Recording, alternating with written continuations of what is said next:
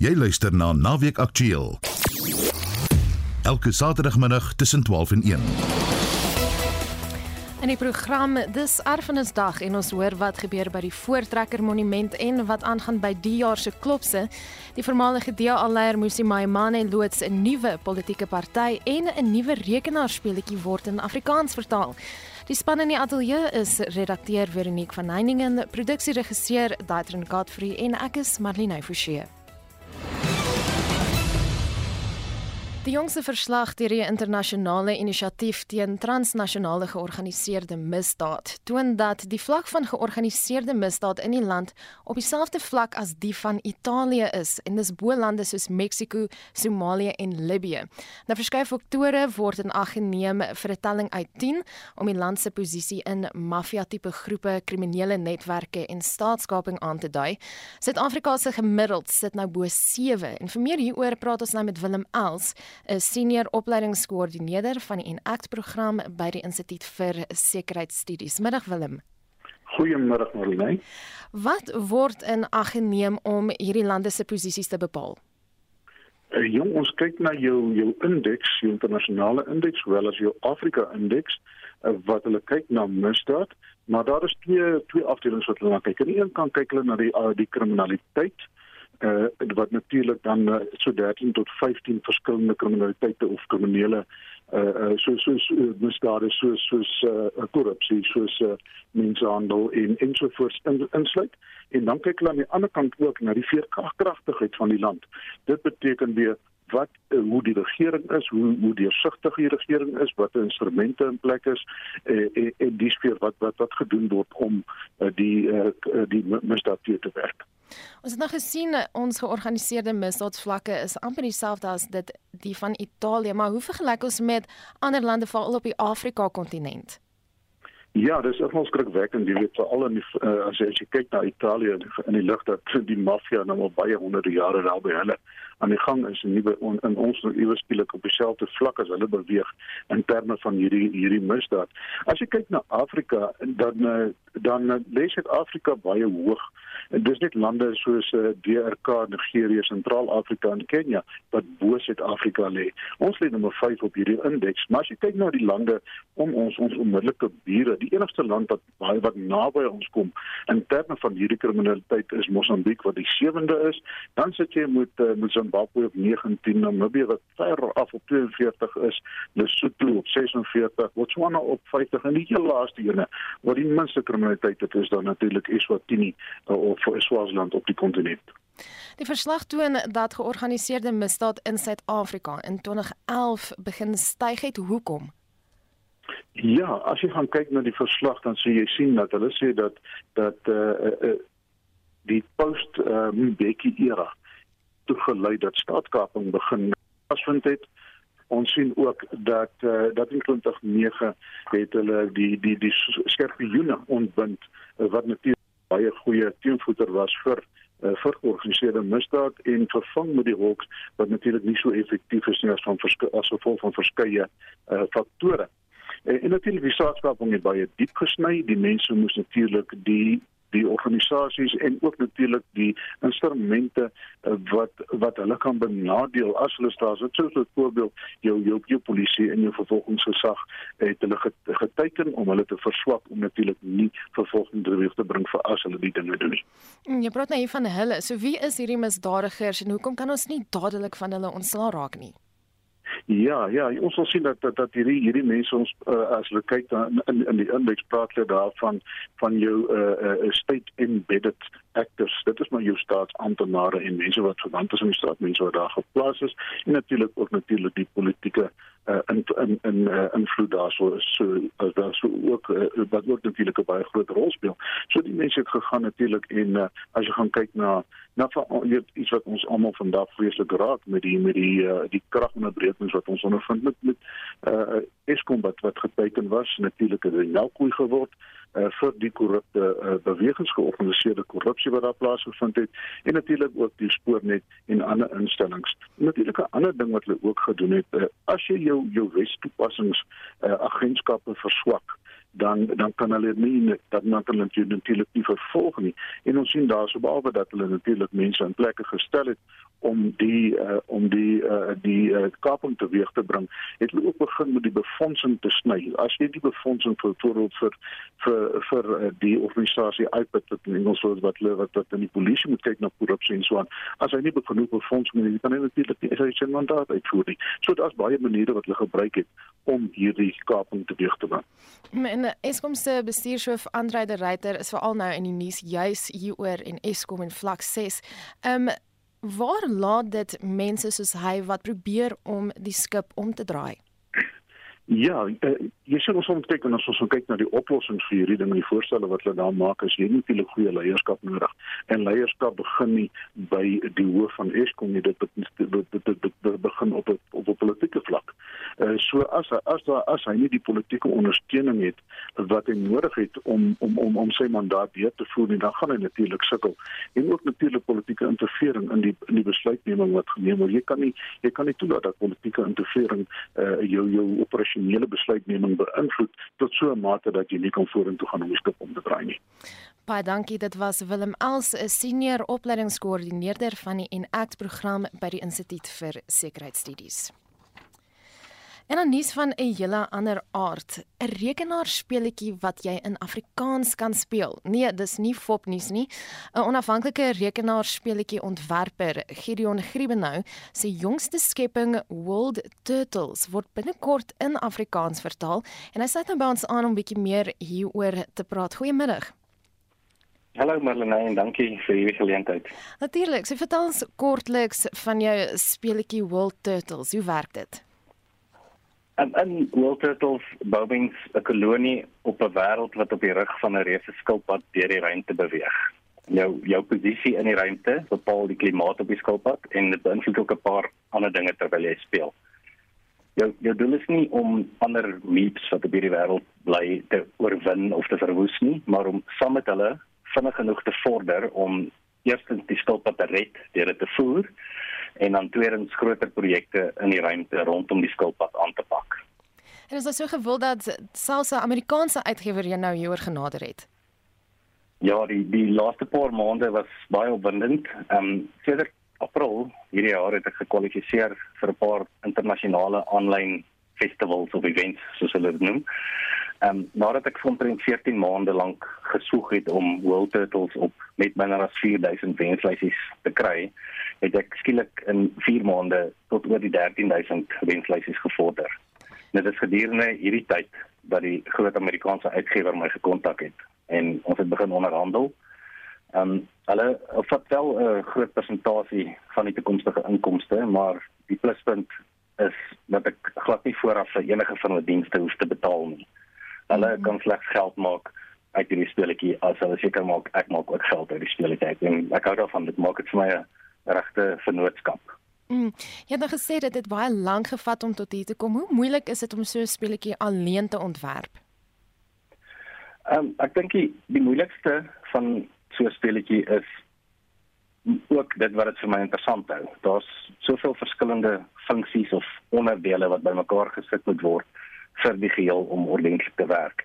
Het jou klank, grafika, die tegniese programmering om alles vinnig genoeg te laat gebeur hoe die stelsels en die meganismes in die speletjies moet saamwerk en indien enige van hierdie een faktore nie suksesvol genoeg uitgevoer word nie dan kan dit die hele ding eintlik maar plat trek.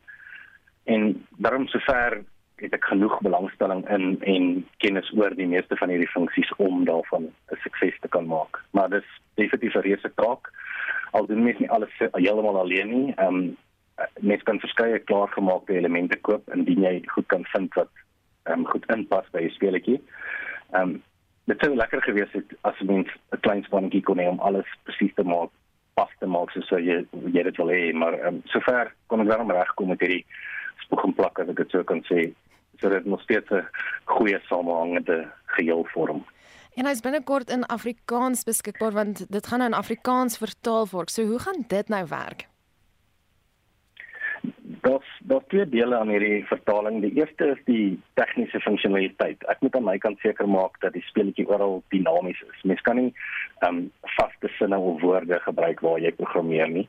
Jy moet alles deur plekhouers hanteer. En dan die woorde of sinne wat dan inkom, um, moet dan 'n eksterne leer gedefinieer word wat dan aan die begin ingelees word in wat mens ook tegniese woordeboek noem. En elke keer as een van hierdie frases vertoon moet word, dan moet die een wat ooreenstem met die gekose taal uit die woordeboek gekies word. Nou om seker te maak dat hierdie proses ordentlik werk, het ek gebruik ek Afrikaans as die toetstaal. So ek het bestandse woordeboek met die Engelse en die Afrikaanse weergawe van die frases. En dan as dit in plek is, dan ehm um, is die tweede deel van die proses die vertaling self. Ehm um, die speletjie kan dan enige aantal tale regtig hanteer sonder enige ekstra moeite. Dan moet nou net in die eksterne laer 'n weergawe vir elke frase geplaas word vir elke taal waarin die speletjie bekend gestel gaan word. Hm.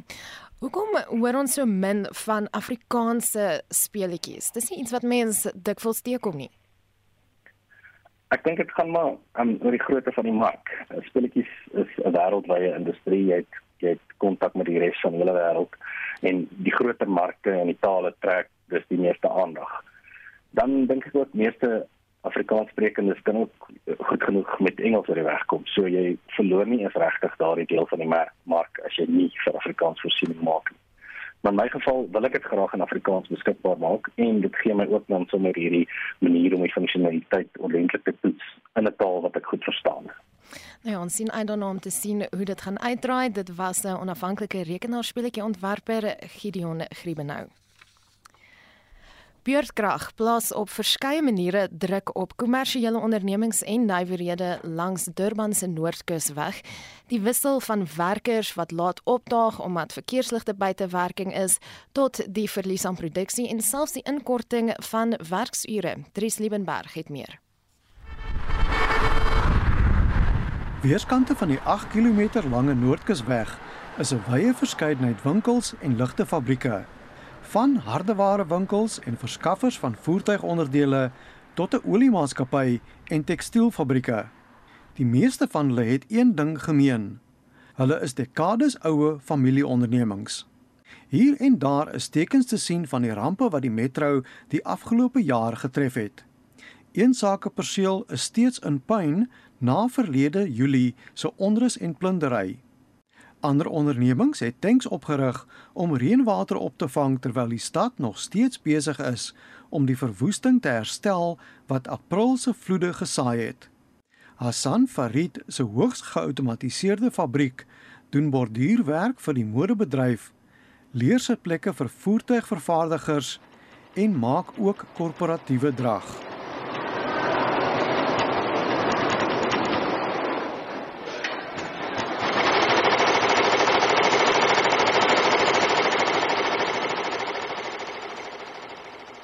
Farid sê sy huidige mikpunt is om die onderneming uit te brei. Verlede jaar het hulle 12 kragonderbrekings gehad. Weens die onlangse fase 5 en 6 beurtkrag was hulle tot dusver vanjaar reeds 15 keer sonder krag. Farid sê hy het geen ander keuse as om ten duurste 'n kragopwekker en sonpanele te installeer nie sodat produksie nie onderbreek word nie. Right now we are on a expansion drive But coupled with that, we've got to look at our aging infrastructure on ESCOM and how we can mitigate that in terms of our production. It is a tough, it's a tough industry. I mean, the clothing industry, as it stands right now, has always been competitive. And then you get the big that sit right up at the top and ask us to be globally competitive. And how can you be globally competitive if you cannot provide the infrastructure? Farid sê onverwagte kragonderbrekings veroorsaak groot verliese. When we have unplanned load shedding, this is huge because we have machinery that are firstly highly automated, are set, pre-configured, and when those machines run and if the power dips slightly or even if it goes off, those machines are now out of sync. And at any one time, because we have a huge plant, we have a minimum of 200 parts that's running across the machines and all 200 are rejected. So there's no revenue, there's liabilities for us as a company because your client doesn't care. I mean, it's, it's something that you should resolve. Nalini Rampersat, wat by 'n handelaar werk, sê dit kos hulle 4 keer meer om die kragopwekker te gebruik as wat hulle vir Eskom krag betaal. Firstly, for my company, being a wholesale and retail and having like customers come in all the time, we had to invest into a generator. Secondly, the generator is not an economical item as it uses petrol to operate. Rampersad voeg by dat party fabrieke waar produksie nie net aan en afgeskakel kan word nie, is al genoodsaak om werkers se ure in te kort. North Coast Road is uh, mostly commercial. There's much manufacturing companies that rely on example boilermakers. They have to down tools and also uh, workers on short time. That causes a chain effect from business owners right down to labor. Andrew Chen, wat sy familie se invoer en uitvoer besigheid bedryf, sê tydens beurtkrag vat vraghouers langer om hom van die hawe te bereik. Ek is Dries Liebenberg in Durban. Naweek Aktueel, jou naweek nuusprogram op RSG. Sy pas by ons ingeskakel. Dit is nou so 12:23. Ek is Marlene Forsie. Ek staan in vir Anita Visser wat steeds met verlof is. En nou vir nuus op al die TV-skerms in die nuuskantoor. Die voormalige DA-leier Musi Maimane het vanoggend 'n nuwe politieke party in Soweto, Johannesburg bekend gestel. So dit beteken dat Maimane in 2024 op die stembrief sal verskyn as deel van 'n sogenaamde sambreel liggaam wat poog om plaaslike leierskap en gemeenskappe landwyd te ontgin. En ons praat nou hieroor met die politieke beweging se nasionale woordvoerder en dit is Muzuli Rakiva Good afternoon. How are you doing? Good afternoon. I'm great, thank you. All right. So um, I see there's a lot of dancing and singing where you are. Tell us about this newly established political platform and your aims. Yes, so it's called Build One South Africa, and as it says in the name, our objective is to rebuild this country, and we're inviting independent candidates and leaders in communities across the country to come and join this umbrella body because we will be contesting under this banner in the 2024 elections with the aim of coming into government and rebuilding what's been devastated and broken in this country. Why specifically independent candidates?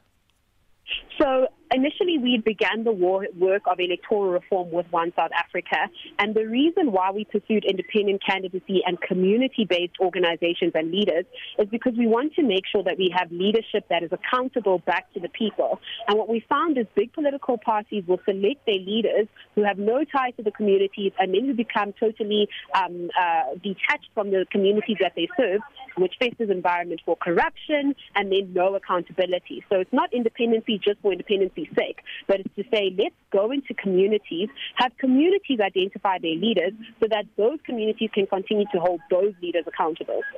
So do you think that South Africans are ready for this proverbial new kid on the block? Absolutely, and I can tell you that they're tired of the traditional political parties because we've seen a sharp decline in many of the big, big political party support. And more than that, more and more people are not voting, which means they're opting out of the current system, which means that they're rejecting the current system and the players in that system. So there's a huge vacuum of voters who are not voting, and those are the people that we're targeting, as well as people who are just tired of seeing the same thing over and over again. This gives them a new opportunity, which is fresh and innovative innovative and creative, um, and ultimately represents the leaders that they choose. So, how do you plan to get South African South Africans back to the ballot box? So after tomorrow, we'll be launching a nationwide campaign, which number one will focus on going into communities, re-energizing communities to understand that the power actually inherently lies with them. Many people are actually not voting because what's the point, right? We vote for mm. someone, you never see them again, you don't actually hold any power. So what we need to do is actually go back into communities, remind them that our constitution begins with the words we the people, and we are the ones who should be governing. And so once you're able to tell a community, pick your leaders, then it re energizes them to buy back into the democratic project. All right, and then just before we greet, um, how will this movement contribute to political and economic reform in a country that, according to Mr. Maimane, is in a crisis? Absolutely, we are in a crisis, and if you listen to one of the um, reforms that he specifically mentioned was re-energizing township economy. Um, there's so much potential that is housed in township economy that will allow um, people to have jobs in every single home, which then gives people an opportunity not just to work, but it gives them dignity, and then it gives them opportunities to employ one other person and then three other people. So that will be one of our key focuses is to re-energize local um, communities and local businesses. Baie dankie. Dit was die woordvoerder vir die nuwe politieke party Build One South Africa, Onomis Muzuli Rakiwane. Ons land se ryk erfenis word vandag gevier en Naweek Aktueel het gaan uitvind wat die dag vir van ons land se groot kulturele instellings beteken. Ons begin in Pretoria waar die Erfenis Stichting 'n hele rits kulturele aktiwiteite op die agenda het.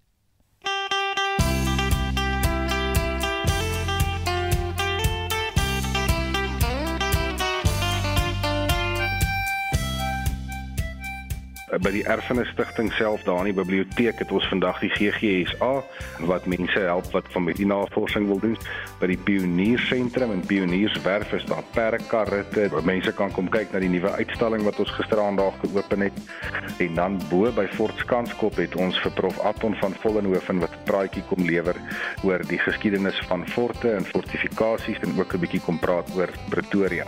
So gesels Jaco se leef van die Erfenis Stichting.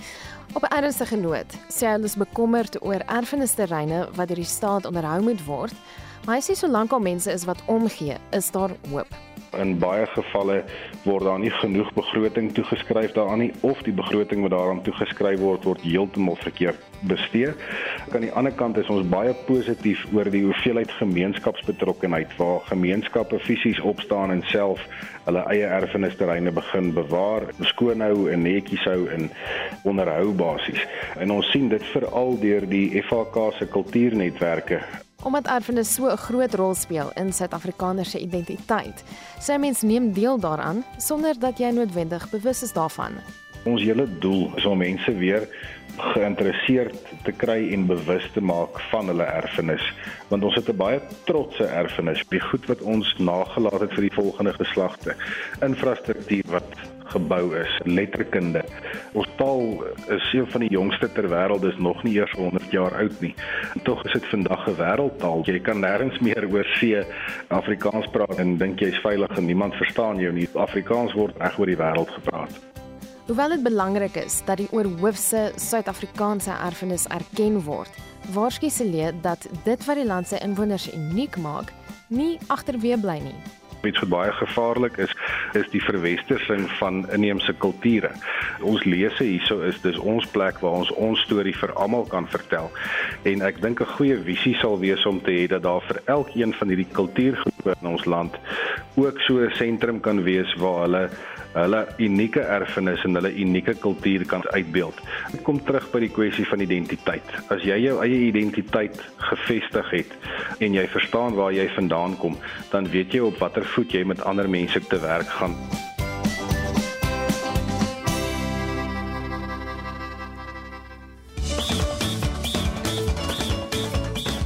Intussen maak een van die land se grootste kultuurfeeste, die Kaapse Klopse, sy buiging in die strate vir die eerste keer na die pandemie. 'n Direkteur vir die Kaapse Klopse Karnaval Assosiasie, Monique Gambino, sê hulle is slaggereed. Dis die een ding wat die mense en veral die mense op die Kaapse vlakte met diep geskiedenis in die Klopse na vorentoe kyk. Um, is die enigste tyd van die jaar wat ons mense na die middestad toe gaan en kan gesien word deur almal. Dis ons vakansietyd. Die geleentheid vier binnekort sy 116de amptelike verjaarsdag en is vir duisende mense 'n besonderse deel van hul erfenis. Natuurlik is dit diep geskiedenis, families groei op in dit, ek het opgegroei in dit en wat klops en die klopsgemeenskap beteken is dat hier's 'n ankerpunt vir mense. Daar is opvoedkunde wat plaasvind. Mense word geleer om te sing. Mense word geleer om instrumente te speel. Ons gebruik dit om social cohesion te dryf en natuurlik is 'n geleentheid vir mense om 'n paar rande te maak deurdat hulle hulle goedjies kan verkoop en die seamstresses maak die klere en so voort en so aan. Die feesvieringe is destyds begin toe slawerny opgeskort is, wat die simboliek van die terugkeer na die pandemie onderstreep. Dis Heritage Dag. Ons celebrate ons heritage, maar op die tweede nuwe jaar is daar spesifieke heritage wat geselebreer word en daai is natuurlik die acute vryheid wat die onderdrukte mense in die Kaap en in die land ge-experience het op daai dag. Jy weet natuurlik gedurende slawerny, die slawe moes gewerk het op ou jaar aand en dan op die tweede nuwe jaar of op die tweede Januarie, dis die dag wat hulle afgekry het en hulle kon dan tesame met hulle families met die ossewa of op voet na die strand toe gaan of waar ewe en gaan piknik en dis waar hulle hulle kumalietjies gesing het. Trots is hy gewis op die eeue oue karnaval. Die grootste kulturele fees op die Afrikaanse kontinent in terme van mense wat uh participate in terme van mense wat die ding kom en support en natuurlik die tydperk wat dit oor plaasvind. Maar klopse is natuurlik heel jaar. Van die mense practice heel jaar. Hulle prepare heel jaar. Sambrele moet gekoop word, die hoetjies, die uniforms en so voort en so aan. So ja, ons wil dit 'n ikoniese event maak. Ek wil nie sê soos Rio de Janeiro nie, maar dis die idee. Een van die groot ikoniese events van die wêreld. Dit was die direkteur vir die Kaapse Klopse Karnaval Assosiasie, Monip Gambino. En so gepraat van erfenisdag. Ons is hier. Hier is van ons luisteraars se mening oor die dag. Nou ons wil by jou hoor. Hoe weet jy iemand kom van Suid-Afrika af sonder dat hulle dit noodwendig sê? Ek is Shamaine Kloete van Springbok Oukiep. Namakwaland, Suid-Afrikaners hou van party. Hulle hou van potjie kos, hulle hou van braaivleis en van bier drink en Suid-Afrikaners hou van koeksisters en baie Suid-Afrikaners is baie behulpsaam. Hulle sê jou help, hulle help hulle medemens daar waar hulle nood is en hulle is vriendelik en hulle sal altyd daar wees vir jou wanneer jy hulle nodig het. En ek is ook trots om Afrikaans te wees en om 'n Suid-Afrikaner te wees. Tula tu tula baba tula sana. Wat ek van ander kulture hou, is die kultuur se musiek. Die feit dat ons so baie verskillende soorte musiek het en so dikwels anders en dikwels so mooi. My wete dat iets reg Suid-Afrikaans is lê onmiddellik in 'n klankreaksie wat ek kry. Die hoor van 'n lied. As ek die klank hoor van Lady Smith Black Mambazo, dan weet ek dit kom uit Suid-Afrika uit en dit is net Suid-Afrika wat daai klank kan produseer. As ons immersterheen langpad ry en ek hoor vir Klipwerf Boereorkes speel, dan sê ek altyd vir die persoon by my in die kar die medereisiger mens kan daai net in Suid-Afrika hoor. Niemand anderster in die wêreld watter musiek of watter kultuur ook al kan so 'n klank voortbring nie. Ek is Nerina Liebenberg van Sinnowil Pretoria Dan sê ek heelwat terugvoer op ons Facebookblad soos Rika van den Neever wat skryf: "Jy weet iemand is van Suid-Afrika af as hulle vra, hoe laat dit ons krag want ek wil 'n melktert bak." Daai humorsin van Suid-Afrikaners. So gaan loer gerus daar as jy wil deelneem aan die gesprek vir die res van die dag. Heelwat interessante opmerkings wat daar gemaak word. Die Wêreldgesondheidsorganisasie as ook Dokters sonder Grense se veldtog vir toegang tot medikasie waarsku teen die gevolge van 'n tekort aan TB-toetse na die pandemie.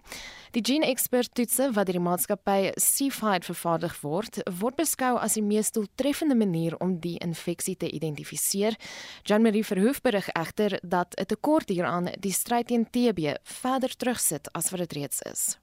Die tekort word toegeskryf aan twee faktore: die feit dat CFID COVID-19 toetse tydens die pandemie geprioritiseer het en die skielike toename in vraag na TB-toetse na die pandemie. Candice Homa, die raadgewer vir Dokters sonder Grense se sogenaamde Access Campaign, waarsku teen die gevolge hiervan.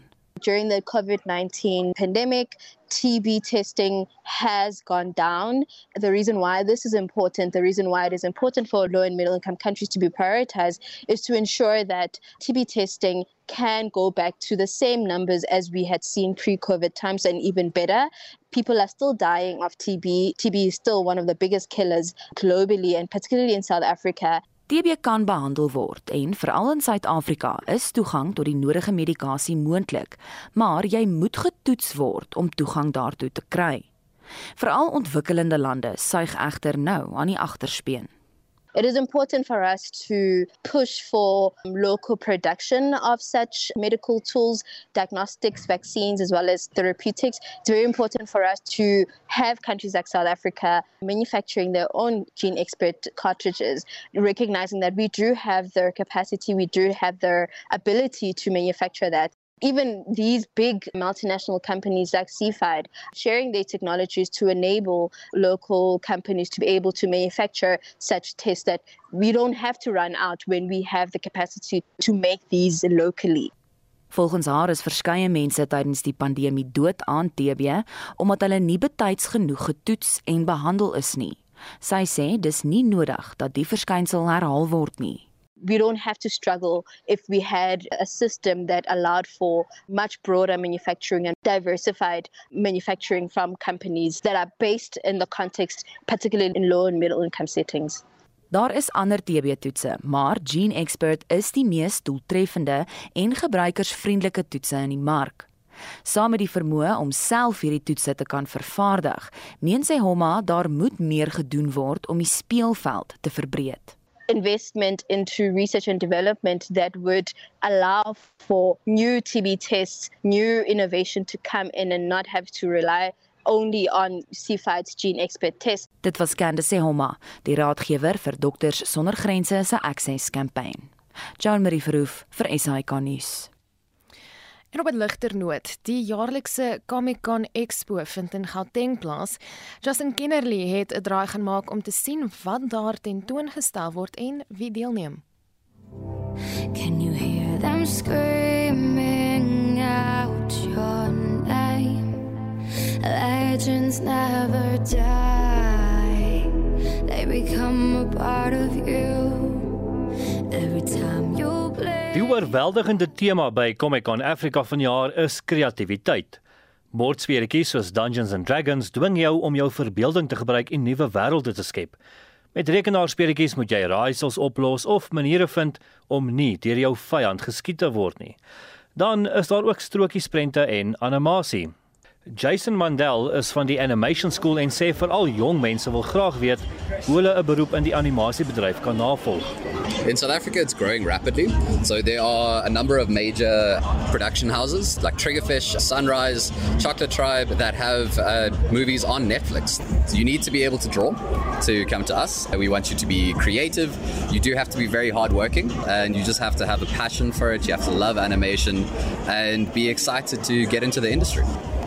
'n Gewilde kunstenaar by Comic-Con Africa is ene Zack Howard, 'n Amerikaanse kunstenaar wat vir groot name soos Marvel, Disney, DC en Warner Brothers gewerk het. Hy gee raad vir mense wat 'n loopbaan in sportprente en animasie oorweeg. Learn to kick ass.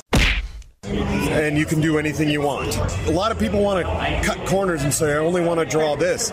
You got to learn to get outside your comfort zone and then you got to master everything. And once you become skilled in everything, it changes you anyways. And then you can get approached and So ook Chantal Basson van Numesie Art wat Photoshop gebruik om kuns te skep raad. Sy sê jy kan dit in jou vrye tyd doen en selfs 'n klein inkomste verdien. Kyk vir tutorials, dit is dalk die beste soos as jy dit nie natuurlik kan doen nie, dit is goed om tutorials te kry om te kyk hoe ander kunstenaars dit doen. Maar ek sê net begin by 'n punt. Kyk wat se medium jy van hou, as jy tradisioneel hou, soos verf en alles, gaan vir dit. As jy digitaal kan doen, doen dit. Maar ek dink inspirasie is maar net hou net aan. Moenie Die kreatiwiteit is nie slegs vir mense wat onder meer goed kan teken nie. Mense spandeer honderde ure en duisende rand om kostuums vir cosplay kompetisies te maak. Cosplay is waar mense soos hul gunsteling TV of rekenaarspeletjie karakters aantrek. I'm dressed as Griselbrand from Magic the Gathering. I enjoy challenging myself, so it's fantasy, sci-fi, and just coming up with something to create a very shocked expression on the people who see me. And obviously it's a very detailed costume. How long did it take you to make this? I stopped calculating over 400 hours, so it's about halfway done on 400 hours. So you can give or take it as 900 hours worth of work. En moenie 'n fout maak nie. Suid-Afrikaanse cosplayers dink teen van die beste cosplayers in die wêreld mee. Ons het immers in 2020 die wêreldtitel ingepalm. Tydens Comic-Con Africa het Lisa Willems eerste plek gekry vir haar cosplay as Vi van Arcane. die Netflix-reeks wat gebaseer is op die speletjie League of Legends. Dit het min of meer 3 maande gevat vir die cosplay en ek was baie soos overambitious want ek het laas jaar Desember al beplan om na Comic-Con te kom. Dit was soos 'n hele produksie. Um, maar ek het dit klaar gekry en ek is so bly. Um, ek weet jy het eerste plek gewen. Ja ja ja, so, ek dis, ek ek weet nie. ek het nie dit verwag nie, so ek is baie excited en ek is so bly dat dit gebeur het en dit is ja, ek's op 'n high op die oomblik. Ek weet nie regtig hoe ek voel nie. Hierdie het meeste van die werk gevat want dis uit EVA foam en ek moet dit met die hand sculpt en dan moet ek dit bymekaar sit en dan dan staan so 'n meganisme wat binne is wat my vingers, die vingers kan beweeg. So dit was meeste van die werk en ek het daar was nie soos YouTube video's iets nie want die series Arcane is nogal nuut. So ek moes dit alles self uitwerk en beplan van begin af. Ja, ek het soos alles self gedoen. Volwassenes speel boonop nog met Lego blokkies. Rian Reitz van die Lego User Group Suid-Afrika sê hy kan nie teken nie en daarom is dit vir hom 'n uitlaat om sy kreatiwiteit uit te leef deur met Lego te speel. Meeste van ons het groot geword met Lego. Ja. En dan hulle praat van jou donker tyd wat jy nou weet groter word en dan los jy Lego want dit is dinge van 'n kind. En dan later dan kom jy agter maar ek mis hierdie. Ek mis die skepping, ek mis die idee, ek mis net die jy weet wat jy alles met dit kan doen. So dan begin jy nou maar weer stadig aan jou Lego koop en jy bou. Comic Con Afrika loop môre teen einde. Ek is Justin Kennerly vir SI Garnis.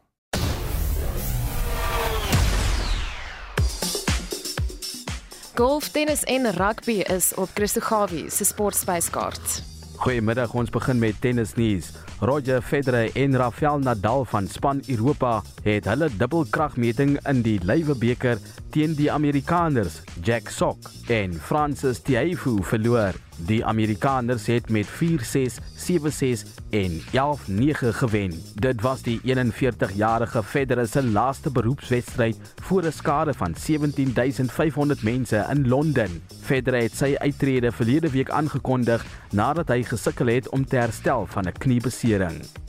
In rugby het die Sharks gisteraand hulle wedstryd in die Verenigde Rugby Kampioenskapsreeks teen Zebre in Italië met 42-37 gewen. In ander wedstryde kom die Bulls vanmiddag om 0:30 in Pretoria teen Edinburgh te staan, terwyl die Stormers in Stellenbosch met Connacht kragte meet. Die Lions draf vanaand net na 0:30 teen Ospreys uit. Die Springbokke kom vanmiddag voor 'n reuse taak te staan wanneer hulle die Pumas in die Rugby Kampioenskapsreeks op Kings Park in Durban pak. Suid-Afrika en Nieu-Seeland is gelyk bo aan die punteleer met 14 punte elk. Die Springbok kaptein Sia Kolisi het vroeër gesê hulle hou veral vanoggend se kragmeting tussen Nieu-Seeland en Australië fyn dop, maar hulle hoof fokus is eintlik op vanmiddag se kragmeting teen die Argentynse Pumas wat net na 5 vanmiddag afskop. In golf kan die Amerikaanse span vandag verstewig nadat hy op die tweede dag van die presidente toernooi sy oorheersing voortgesit het. Die tuisspan kan moontlik vandag baie na aan die 15 en 'n half punte kom wat nodig is om die toernooi te wen wanneer daar 4 beterbal en 4 4 spel wedstryde gespeel word. Amerika het hulle voorsprong na 8-2 verdubbel terwyl die internasionale span met 2 halwe punte in 5 wedstryde tevrede moes wees in padwedlope 4 jaar nadat die Keniaan Eliud Kipchoge die wêreldrekord van 2 uur 1 minuut en 39 sekondes in die Berlyn maraton opgestel het, kan hy dalk môre op die rekord verbeter wanneer hy weer in die Duitse hoofstad vir vanjaar se 48ste wedloop aantree. Bykans 45000 atlete sal hieraan deelneem. Die Keniaan het in 2018 die vorige rekord in Berlyn met 1 minuut en 18 sekondes verpletter. In 2017 het die Ethiopiër Guy Adola tweede na Kipchoge in Berlyn geëindig met 'n tyd van 2 uur 3 minute en 46 sekondes wat steeds die vinnigste debuutmaraton in die geskiedenis is. Hy sê hy hoop om die keer 'n tyd van onder 2 minute te vermag. Die huidige Berlyn vroue rekord van 2 uur 18 minute en 11 sekondes staan agter die naam van die Keniaan Gladys Chirono. Die wedloop kan reeds van môreoggend om 9 uur af gevolg word. En dit was Christo Gawie.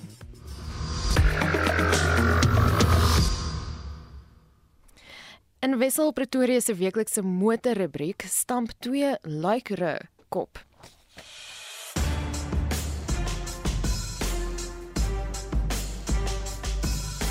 Suzuki en Toyota het albei hulle Baleno en Stalit luikere verfris. Die twee in die klas van die Volkswagen Polo Vivo is feitelik identies. Volgens 'n ooreenkoms is die Stalit niks anders nie as 'n Baleno. Dis net die buffer voor, sierrooster en die benaming wat verskil. Maar ook klein verskille in prys, toerusting en die lengte van die diensplan. Ek het kans gehad om verskeie modelle te toets om uit te vind watter een beter waarde vir geld bied. Kom ons kyk eers na die goedkoopste modelle, die Baleno GL R225900 en die Stalit XI R226200. Teen die prys bo gemiddeld goed toegerus. 'n Sentrale skerm met Apple CarPlay en Android Auto, 'n USB sok voor en 2 agter, 'n leerstuurwiel met kontroles en klimaatbeheer. Wat veiligheidskenmerke aanbetref, slegs twee ligsakke voor. Maar jy kry wel misligte voor as ook elektroniese stabiliteitsbeheer. Ook heuwel wegtrekhulp, parkeersensors agter en 'n 12 volt punt voor. Maar hoewel ewe duur, spog die Suzuki ook met 'n trikamera, tog beheer en ventilasiegate vir die agterste insittendes. Die topmodelle, die Baleno GLX en Stalit XR, voeg ook die volgende by. Solank jy die sleutel by jou het, kan jy die voertuig oopmaak deur 'n eenvoudige klein swart knoppie op die deurhandvatsel te druk. En dan is hier ook 'n knop vir die aan- en afskakel van die masjien. Sies ligsakke, opvallende dagryligte voor en jou hoofligte kan op en afstel. Verder 16 duim alloy wiele en 'n groter sentrale raakskerm as ook infouspieëls. Maar hoewel die Suzuki Baleno GLX teen R275900 goedkoper is as die Toyota Stalit XR teen R294900, spog die GLX met 'n paar extras. Hy het ook 'n 360 grade kamera en met die druk van 'n knop kan jy 'n voorste kamera en sy kamera links aktiveer. En die Suzuki het reg voor die bestuurder bo die paneelbord 'n inligtingskerm. Alle modelle kom nou met 'n 1.5 liter voorheen in 1.4 wat nou 77 kW en 138 Nm uitskop. Danksy 'n relatiewe lae gewig is kraglewering heeltemal voldoende. Ek het 'n uitstekende 5,7 liter per 100 km op my gekombineerde roete gemeet. Die ritgehalte is gerieflik en baie absorberend. Gegee sy buiteafmetings, kom die ruimte in die kajuit as 'n verrassing. Die bagasieruim is verbasend diep, hoewel jy heel onder net 'n Maribeskuy spaarwiel het. Ek kan eintlik nie glo hoeveel beenspasie hulle in hierdie kar van 4 meter ingebou het nie. So met die bestuurder se sitplek gestel vir my lengte van so 1,92 meter. Pas ek agter myself in sonder dat my knieë die voorste sitplekke raak. My gevolgtrekking in hierdie finansiëel uitdagende tye maak die Suzuki Baleno en Toyota Stalit reekse baie sin.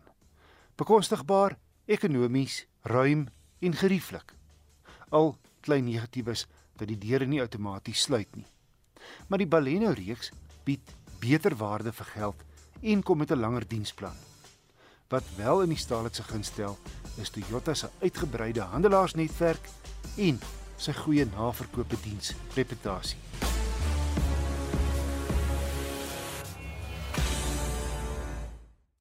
Ons wil by jou hoor.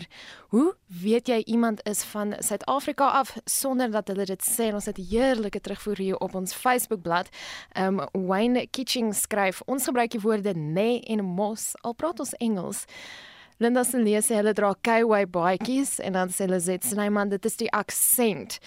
Um, en dan kyk ons 'n bietjie hierso is iemand wat skryf Olive Gous sê erfenisdag niemand daar's baie nasies in Suid-Afrika het ons 11 tale en vir elke erfenis is daar 'n ander betekenis. Wat is jou wat jou erfenis is is my erfenis in my taal sê sy is haar erfenis en dan skryf Ingrid Swart 'n sinnetjie wat ons dikwels hoor. Ons gaan nou-nou ry Ons gaan by Piet Braai. Ons ry sommer met die bakkie en hy bly net om die draai van haar eerste robot. So sy verwys na hiervan. Ons sê eintlik praat oor verkeersligte nie, maar robotte. En dan is daar Laura Lou wat skryf wanneer jy die foon antwoord is die eerste ding wat die persoon aan die ander kant sê, "How are you?" Nogal 'n unieke ding. Net so 'n interessante nuusbrokkie naweek aktueel het 'n tydjie terug berig oor unieke fondse uit die Anglo-Boereoorlog. Nou professor Anton van Vollenhoven van Arca Ethnos Argeoloog het onder meer vertel van 'n bajonet wat hulle gekry het, as ook 'n vol blikkie kondensmelk wat nooit opgemaak is oopgemaak is eerder nie. Ek sien nou hier dat 'n blikkie sjokolade wat 122 jaar oud is ook gevind het en die is nou sjokolade en al verkoop vir R9000 in Engeland. Ek weet nie of enigiemand dit sou doen nie. Sou jy dit doen? Ek is nie heeltemal seker nie. Die naam van die sjokolades is Roundtrees en dit is deur koningin Victoria aan Britse soldate in Suid-Afrika gestuur. En dan net so vinnig voordat ons groet net 'n oogie oor die paaie.